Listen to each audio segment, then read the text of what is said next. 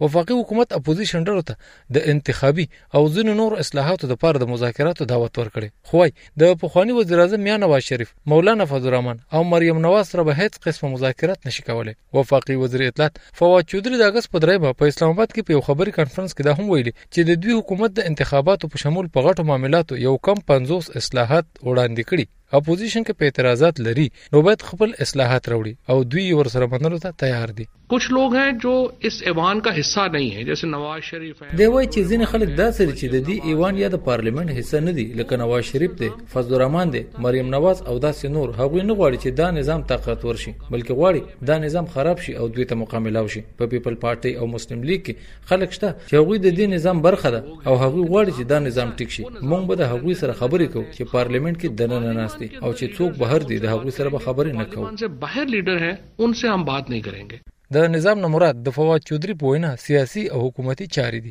پروند وفاقي کابینه د غونډې وروسته فواد چودري په خبري کانفرنس کې دا هم ویل چې کابینه کې دا هم فیصله شوې چې وزیر اعظم پاکستان عمران خان به د اپوزیشن ډلو مشر میا شهباز شریف ته خط لیکي چې د الیکشن کمیشن د دوه غړو په ټاکلو کې د ورسره مشوره وکړي حکومتي ډلو د دین وړاندې هم اپوزیشن ډلو ته د مذاکراتو دعوتونه ورکړي لکه د انګریزي ورسپانې ډیلی ټایمز د جولای د لسمې نیټې په یو خبر کې د پنجاب صوبې گورنر چودري محمد سرور د خلی دوی لیکلي تحریک انصاف ګوند څو واري اپوزیشن ډلو ته په مختلفو قومي مسلو د خبرو دعوت ورکړي خو اپوزیشن ډلې ورسره خبرو ته نه کینی اپوزیشن ډلو هم لدې نه وړاندې د واکمن تحریک انصاف ګوند سره د مذاکراتو نه انکار کړي لکه په 12 نومبر 2020 کې په ټریبیون اخبار کې د مریم نواز د خلی یو خبر کې راغلی دوی د اسټابلیشمنت سره خبرو ته خو تیارې دي شي خو دغه مذاکراتي خبر نه وړاندې دي تحریک انصاف ګوند ختم کړي شي پرون چې یو وار بیا د حکومت لخوا د ګوندونو د مشرانو نه بغیر د اپوزیشن ګوندونو ته د مذاکراتو دعوت ورکړی شو نو آیا دغه ګوندونه به د حکومت سره دغه خبره غومني د جمعیت علما اسلام فیډلې د جنوبي وزیرستان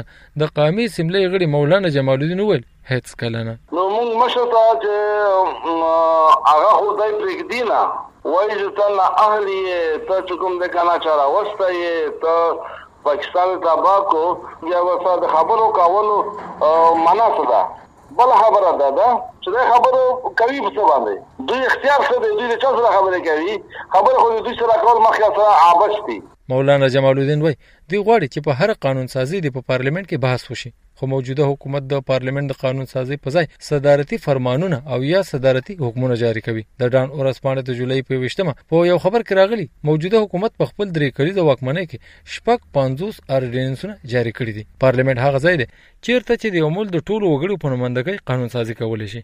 خبريال او تجزیهکار شمس مومن وای لبه د مرغه دلته پارلیمنت کې هغه کارونه چې باید دوی وګي نه کیږي چې فرض کړه دوی په پارلیمنت کې چې د مذاکرات کوي نو پارلیمنت ته دوی د دوه کالو راسي اهمیت نور کوي د په قومي مسلو خو سره پورې حالت ډیبیټ نه دی شوی حالت سره چې په دې بحث مباحثه نه ده شوی نو که فرض کړه دا غوي سره کې نه بیا په پارلیمنت کې صرف وګي کنه دا غي خدا مطلب نه چې د پټو سره مذاکرات کوي بیا به د پارلیمنت نه بهر چې کې بیا به هر هغه کس ترکه چې دغه سټیکس دی په پاکستان کې او پاره کې نواز شریف صاحب او مولانا فضل الرحمن صاحب د ټولو نه لوی سټیک لري د اپوزیشن د هغه غړو چې د پارلیمنت د نن ناست ورسره د مذاکراتو د دعوت نه علاوه هم فواد چودري د کابینې د ځینو نورو خپل شوی فیصلو خبرې کړي چې په کې ویلي په اسلام آباد کې به هغه ځایونه چې عوامي جایدادونه دي او ور باندې ځینو سیول او عسکري ادارو قبضه کړي هم د خالی کولو وینا ورته شوې ده شاهنواز ترګزه مشال ریډیو پیښور